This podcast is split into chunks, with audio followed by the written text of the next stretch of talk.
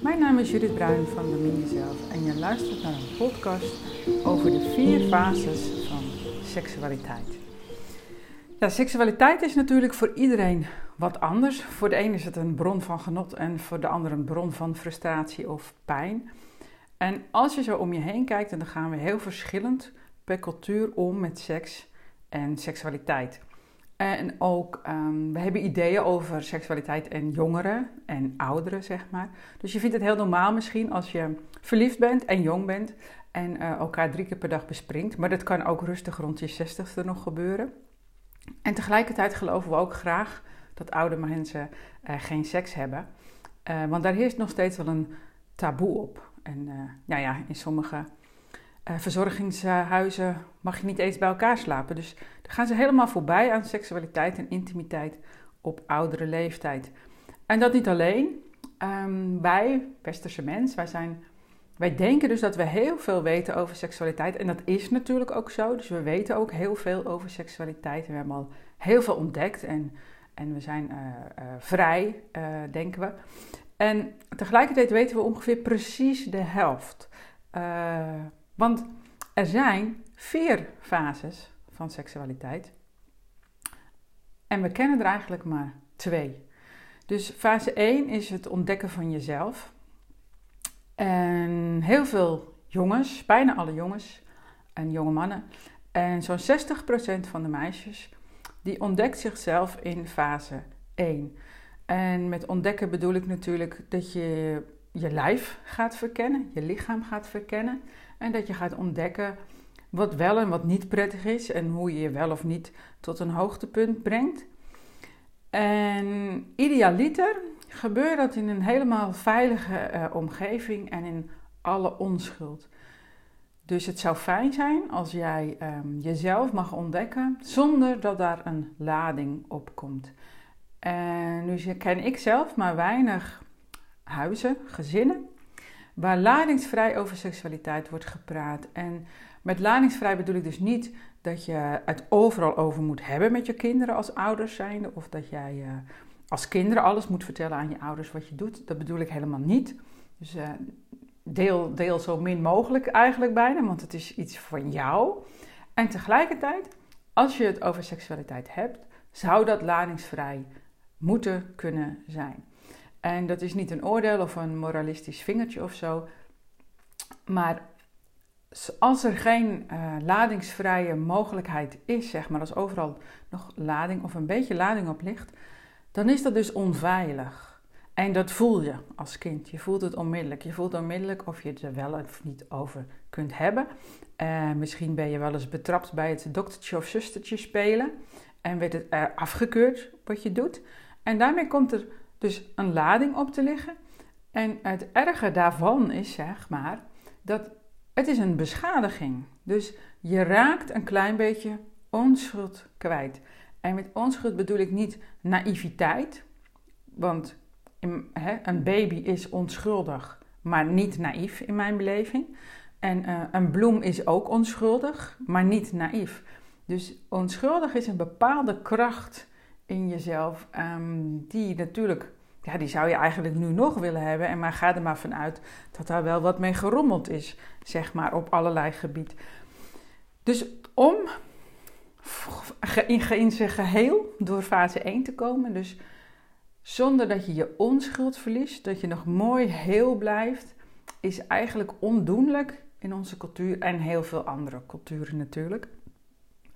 En dat begint al met van huis uit, hoe je uh, ouders over seksualiteit praat, hoe broers en zussen, broertjes en zusjes ermee omgaan, neefjes, nichtjes. Um, uh, bij welk uh, geloof je aangesloten bent, op welke school je zit, welke mensen nog meer om je heen leven. En dat hoeft dus niet altijd met woorden. Dat voel je als kind haarfijn aan. En mocht je een signaal gemist hebben en je ouders iets afkeuren, dan kom je daar gauw genoeg achter. En als kind krijg je dan al heel gauw een, een schuldig gevoel. En zelfs een schaamtegevoel. En een schuldgevoel is dat je denkt dat je iets fout doet. En een schaamtegevoel is dat je denkt dat je fout bent. En dat is wat vaak gebeurt als je op zo'n jonge leeftijd jouw seksualiteit, jouw puurheid, jouw onschuld wordt afgewezen. Dan ga je denken dat je fout bent. En dan komen er schaamtegevoelens op seksualiteit te liggen. En tegelijkertijd raak je dus een stukje van je onschuld kwijt. En een stukje onschuld kwijtraken, of soms heel veel onschuld kwijtraken. Dat is de definitie van een trauma. En dat klinkt misschien wat zwaar. En tegelijkertijd zul je merken, gemerkt hebben in je leven, dat het een soort van opstapeling wordt. Dus fase 1 is het ontdekken van jezelf, wat je idealiter in alle onschuld doet, wat eigenlijk niet mogelijk is in de, in de cultuur waarin wij opgroeien en in de gezinnen. En die bescheidigingen die neem je mee naar fase 2. En dat is het experimenteren met een ander. En dan moet je je voorstellen, aan de ene kant is het allemachtig prachtig. Uh, ik ga even van het ideale plaatje uit nu hoor. Uh, dus je bent verliefd. De verliefdheid is wederzijds. En uh, nou, je gaat gewoon lekker vrijen. En als je jong bent, ontdek je dat nog hopelijk een beetje spelende wijze. Hoeft dat allemaal niet in één avond. Als je wat ouder wordt, wilden we dat vaak wel zo snel mogelijk. Daar heb ik een andere podcast over gemaakt van de Zeven Sluiers. Um, maar die twee uh, verliefde mensen, dus als je, als je verliefd bent en die hormonen razen door je lichaam, dan, dan lukt dat best wel. Het is allemaal heel fijn en heel prettig kan het zijn. En dus en geniet er ook van. Hè? Dus het is ook gewoon leuk. Seks kan ook gewoon heel erg leuk zijn. En tegelijkertijd zijn er twee mensen die al beschadigd zijn. Klinkt weer heel zwaar, ik weet het. En daar voel je ook heel weinig van vaak als je verliefd bent. Um, en wat er dan gebeurt is dat eigenlijk uh, stapelen die beschadigingen zich als het ware op. En er gebeurt twee, eigenlijk gebeuren er twee dingen. Ik moet even terug naar fase 1 weer. Meisjes ontdekken zich vaak minder vaak dus, minder vaak. Um, en maken ook vaker dingen mee die niet, niet goed voor ze zijn. Laat ik het daar maar op houden. En wat er dan gebeurt is dat vrouwen zich een soort van boven het middenrif terugtrekken. Dus ja, hun hele lichaam bestaat natuurlijk en het kan ook nog prima werken, maar ze zijn er niet echt aanwezig. En, dat kan zich bijvoorbeeld uiten in menstruatiepijn. Nou, daar is onze cultuur op dit moment ook vol van, zeg maar. Dus, veel, veel leed en dat wordt dan afgescheept, afgescheept als uh, doorgaan meiden, want uh, we leven in een mannencultuur, jij wilt toch ook je mannetje staan. En er wordt helemaal niet naar de wijsheid van het vrouwenlichaam geluisterd. Niet door de mannen en niet door de vrouwen. En um, nou, dan kun je dan zeggen kip en ei. Uh, de mannen gaan het niet voor ons veranderen. Dus we zullen het zelf moeten veranderen. Dus, maar goed, weer een andere podcast. um, dus de vrouwen, de meisjes zijn geneigd om boven dat middenrif te gaan leven. Want daar zitten ze van nature toch al vaak wat vaker. En dat is zo geregeld dat um, uit seks kan natuurlijk een kind komen. Kijk, wij hebben voorbehoedsmiddelen, dus daar hoeven we niet zo bang meer voor te zijn. Niet zo heel erg bang. Maar er kan gewoon een kind uit voortkomen. En dan is het gewoon handig als er een verbinding is vanuit jouw hart naar het hart van die ander. Dus dat is een soort van, het is allemaal een beetje zwart-wit wat ik nu zeg hoor, een soort van taak van de, van de vrouw. En um, de man, het mannelijke, dus het kan ook andersom zijn, hè, maar het mannelijke, leeft meer vanuit het bekken. En uh, is ook handig voor de voortplanting, want zaad moet wel in de moeder geplant worden, zeg maar. Dus dat is niet goed of fout. En je hebt de zeven sluiers om dat heel mooi te reguleren. Maar dat is dus, dan moet je even die andere podcast uh, luisteren, want dat kan ik niet allemaal in één podcast vertellen. Dus dat wordt uh, gereguleerd als het goed gaat. Maar heel vaak gaat het niet zo goed, zeg maar. Dus uh, dat een vrouw, een meisje meer aanwezig is aan haar hart en een man, jongen meer in zijn bek, of het vrouwelijke en het mannelijke, dat is een soort van natuurlijk gegeven en dat wordt gereguleerd als je de zeven sluizen respecteert. Dus dat komt zeg maar goed. Waardoor het in de praktijk niet zo vaak goed komt, is omdat die vrouw zich eigenlijk helemaal uit het midden, onder het middenrif heeft weggetrokken. Het is daar te gevaarlijk om daar te zijn. Er gebeuren daar dingen die je eigenlijk niet wil meemaken. En voor een, voor een man, een jongen, het mannelijke, geldt een soort gelijk iets, maar dan andersom. Het is eigenlijk te gevaarlijk om boven het middenrif te leven. Want stel je voor dat je wat meer in je hart aanwezig bent en je gevoelens uh, gaat voelen en ook nog gaat tonen. En het is heel zwart-wit, ik weet het. Maar maak er alsjeblieft je eigen verhaal van. En misschien herken je het. Dus als je je gevoelens gaat tonen en voelen. Um, de grootste angst van de meeste mannen is dat ze uh, worden beschuldigd dat ze een watje zijn. Dus het is, het is ook een soort van heel erg lastig voor ons allebei. Voor vrouwen is het heel lastig om als vrouw proberen je mannetje te gaan staan in een, in een mannenmaatschappij. Wat echt ten koste gaat van je vrouw zijn. En voor mannen is het heel lastig om een vrouwtje te gaan staan in een mannenmaatschappij ook. Dus het wordt helemaal niet, zeg maar, niet gewaardeerd. Dus aan de ene kant voelen we dat het niet helemaal klopt. Uh, aan de andere kant weten we een soort van geen oplossing. Nou, als je verliefd bent, dan vrij je wel. Dan, hè, of je nou wel of niet in dat bekken aanwezig bent, of je nou wel of niet in dat hart aanwezig bent. En het is ook niet zo zwart-wit, hè. Dus, dus het ene moment ben je wel, het andere moment niet. Maar over het algemeen uh, leven veel vrouwen meer boven het middenrif en veel mannen onder het middenrif. En als je verliefd bent, komt het allemaal gerust wel samen. En dan stopt ook gelijk de kennis over seksualiteit bij ons. Dus zoals je het doet zoals je 18 bent, daar ga je eigenlijk mee door. Dus je bent steeds bezig met driftig kinderen te maken, maar door de voorbehoedsmiddelen komen er geen kinderen. Uh, dat is niet goed of fout, dat is gewoon hoe we het doen.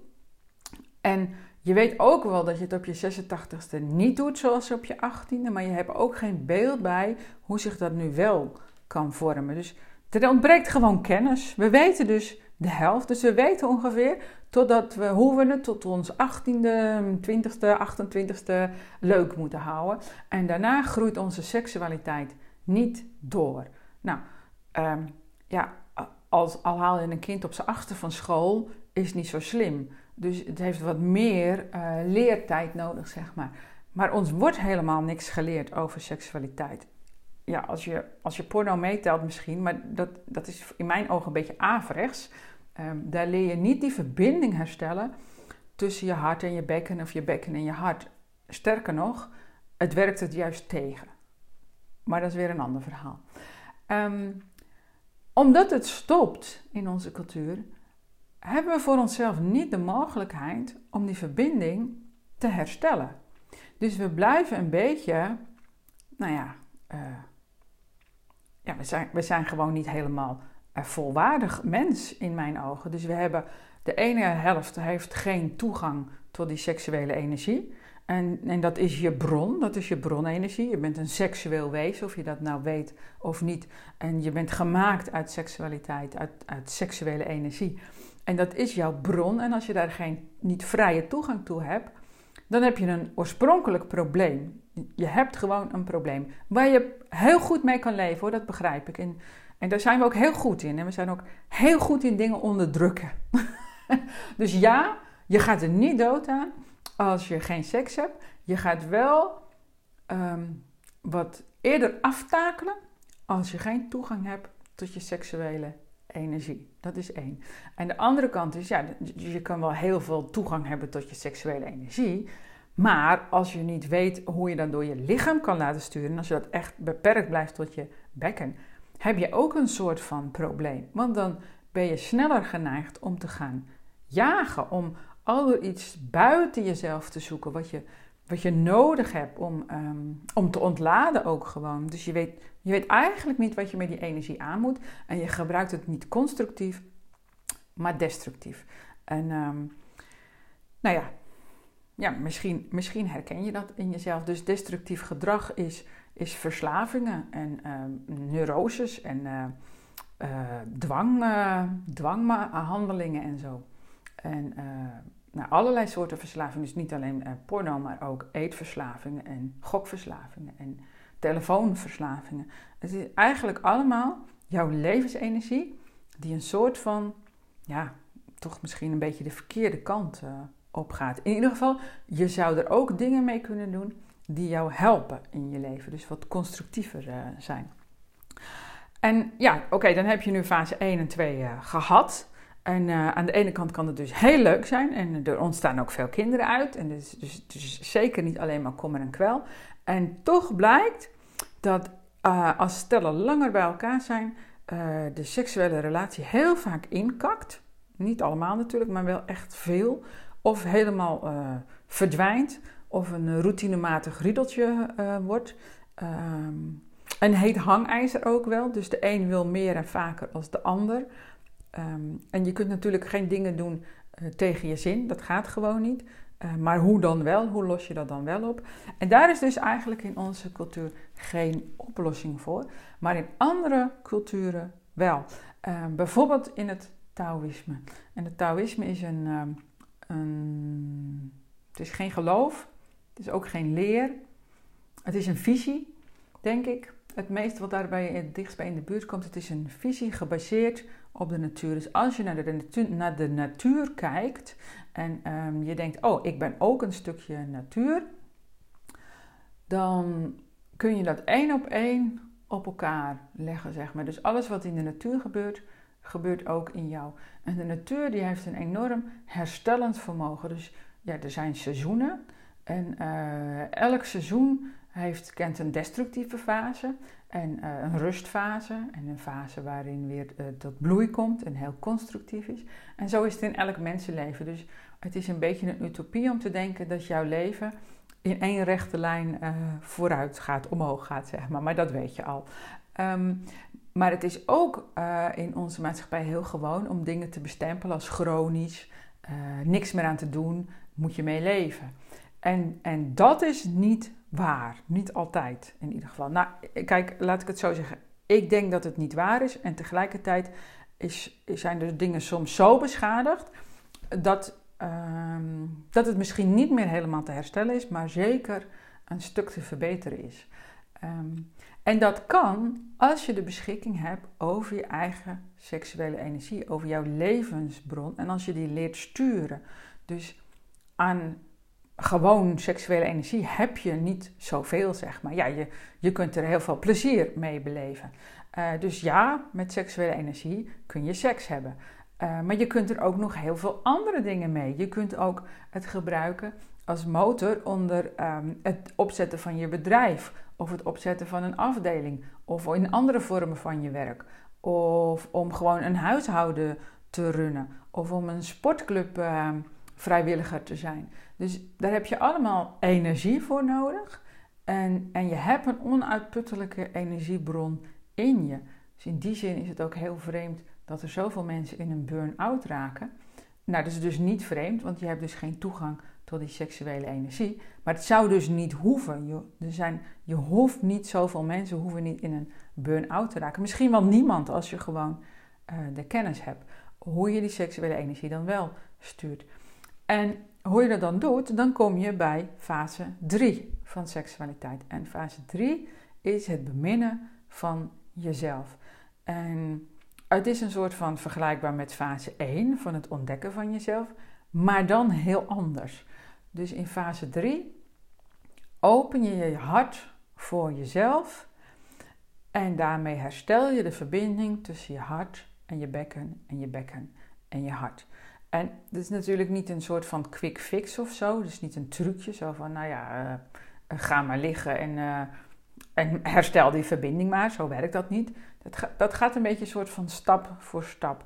Dus je moet je voorstellen dat in jou loopt daadwerkelijk een soort van verbinding tussen je hart en je bekken. En die is wat uh, beschadigd, verstopt, gescheurd, net hoe je het wil noemen. En die kun je helen. En die kun je helen door je seksuele energie uit bij vrouwen eierstokken en bij mannen testicles te halen en op een andere manier door je heen te laten stromen. En dat is gewoon een techniek die je leert. En daarmee herstel je stap voor stap die verbinding. Eigenlijk maak je het levenselixer, het levenselixer waar heel lang naar gezocht is door uh, koning Arthur en zo en de, de ridders van de ronde tafel. En altijd buiten zich, want ja, er is wel degelijk een heel bijzonder levenselixer. Alleen je moet het zelf maken. En dat kan gewoon, dat is het leuke. Dus hoe je in, in de knoop bent gekomen met je seksualiteit, kun je dus ook weer oplossen door seksuele energie. Maar dan heb je dus toegang nodig tot die bron. En ook um, even gelijk voor de duidelijkheid, als je al in de overgang bent, of als je om wat voor reden dan ook geen eierstokken en of testicles meer hebt of nooit hebt gehad. Ehm, in het innerlijk landschap, dit klinkt een beetje zweverig, en um, moet je even een andere podcast luisteren over het in het innerlijk landschap is alles aanwezig. Dus je hebt een uiterlijk landschap en dat is wat we zien in de wereld, wat je kan meten, wat je kan aanraken, wat je met je vijf zintuigen allemaal kunt waarnemen, zeg maar. En je hebt een innerlijk landschap en dat kun je ook waarnemen, maar dan veel meer met je gevoel. En daarvoor ga je in I, in I-kracht. Ehm, ik leg dat even heel kort uit. I-kracht is dat je je ogen ontspant, je gezicht ontspant, je maakt je gezicht mooi rond. Je zet twee denkbeeldige lijnen terug van je mondhoeken naar de puntjes van je oren. Daarmee activeer je de stilte en die stilte neem je mee naar je hart. Dan denk je aan een dierbare. Dat geeft verbinding en ruimte. En die ruimte neem je mee naar je buik. Nou, dit gaat natuurlijk super snel, maar dan heb je een beetje een idee hoe je dat doet en ehm, waar ik het over heb. En als je in I dan kun je je seksualiteit gaan trainen. Dan kun je op een andere manier met je seksuele energie omgaan. En wel op zo'n manier dat je levenselixer maakt. En levenselixer, dat is echt een soort van goud. Dat is een soort van magie wat je door je eigen lichaam kan sturen. Waardoor je uh, fysiek veel sterker wordt, maar ook op een gegeven moment emotioneel en ook uh, spiritueel. Dus het is, het is een soort van uh, wonder waarmee je je op alle fronten kan laten groeien. En dus ook alle beschadigingen in jezelf kunt helen. Want het maakt dus niet uit hoeveel je beschadigd bent. wat soms echt heel erg kan zijn, dat weet ik. Er is een stukje in jou heel, zeg maar, want je leeft nog steeds. En dat stukje heel, dat kun je weer groter maken. Dus dat kun je uitbreiden. En dat doe je door je seksuele energie anders te laten stromen. En dan heb je het over zelfbeminning, over het beminnen van jezelf. En dat doe je wel met seksuele energie, maar het is niet te vergelijken met fase 1 van seksualiteit, met het jezelf ontdekken van wat vind je lekker, wat vind je niet lekker en hoe breng je jezelf tot een hoogtepunt. Dus er is geen goed of fout. Het een is ook niet beter als het ander. En je kunt ook eigenlijk fase 1 bijna niet overslaan. En fase 2, als je. Dat hoort gewoon erbij op die leeftijd. En uh, het leven laat nu eenmaal sporen na. En het is natuurlijk heel erg als het vreselijke sporen nalaat. Um, dus ik sta dat niet toe te juichen of zo. En, maar het, het, het is wel onderdeel van het leven en van heel veel levens. En er is dus een oplossing. De oplossing is dus dat je jezelf leert beminnen. En als je jezelf leert beminnen en je seksuele energie op een andere manier laat stromen, dan ben je ook lekker vol van jezelf. Dan zit je vol met levensenergie en dan heb je iets te bieden ook aan een ander. En als je dan iemand ontmoet die het soort gelijk doet, die ook iets te bieden heeft, dan kom je in fase 4 van seksualiteit terecht. Uh, het beminnen van elkaar. En dan kun je elkaar dus echt ontmoeten. Er moet niets meer, want je komt niets halen. Je komt eigenlijk alleen iets brengen. Dus je hebt je eigen seksualiteit op orde. En uh, nou, het is leuk als die ander het ook op orde heeft. Het hoeft niet. Als je in je eentje traint, kun je evengoed je eigen seksuele relatie een boost geven. En als je met z'n tweeën traint, is misschien net iets leuker. Um, dat trainen doe je trouwens allebei apart, even voor de duidelijkheid. Maar um, dat doe je ernaast. Dus het is niet zo dat als je je seksualiteit gaat trainen door, je, door jezelf te beminnen, um, dat je dan geen seks meer mag hebben met een ander of zo. Of dat dat dan ineens allemaal heel anders moet. Nee, je doet het ernaast. En, en je, je gewone seksualiteit, je gewone seksleven gaat gewoon door. En uh, stel dat hij nu op een heel laag pitje staat, dan kan het zijn dat het ineens veel beter gaat. Dat wel. En. Um, en ook als je het nu wel naar je zin hebt, dan kan het nog steeds een heel stuk leuker worden. Omdat eigenlijk al het moeten eraf gaat. Er is, je houdt die ander niet meer verantwoordelijk voor het vervullen van jouw behoeftes of wensen of verlangens. Um, want je hebt jezelf al vervuld. En dat klinkt een beetje gek natuurlijk en ook een beetje een soort van spannend. Want ja, stel dat je een partner heeft die zichzelf al vervuld heeft, ben jij dan nog wel nodig? Dus uh, dat is een beetje, een beetje spanningsveld in onze cultuur. Van ja, leuk als iedereen zo zelfredzaam is, maar ja, uh, en, en, maar hebben ze mij dan nog wel nodig? Dus een grote angst van mensen dat je er niet meer bij hoort. Is een diepe angst. En dat is ook logisch, want uh, ooit heb je geleefd in een, in een groep. Ik bedoel eigenlijk met ooit wel in een ander leven hoor. Dus als je daar niet in gelooft, dan, nou ja, dan, dan is het een beetje anders.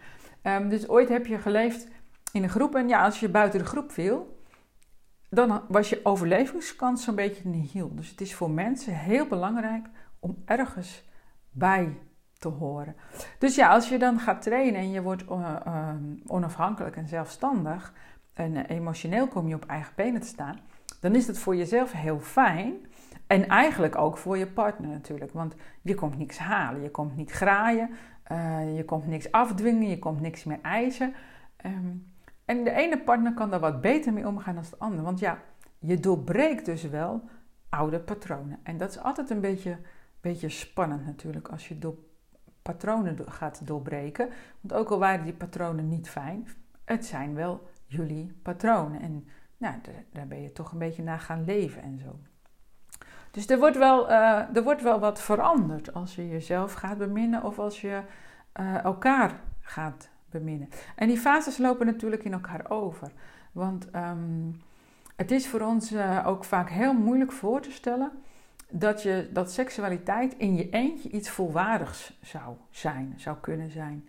Dus ja, heel veel mensen zeggen toch, ja, oké, ik wil iets aan mijn seksualiteit doen, maar wel samen. Dus dan, dan begin je met het beminnen van elkaar. En dan, uh, dan, ga, je, dan ga je sluieren. En uh, dat, dan komt het ook uh, goed, zeg maar. Dus dan kun je ook jezelf helen en dingen oplossen.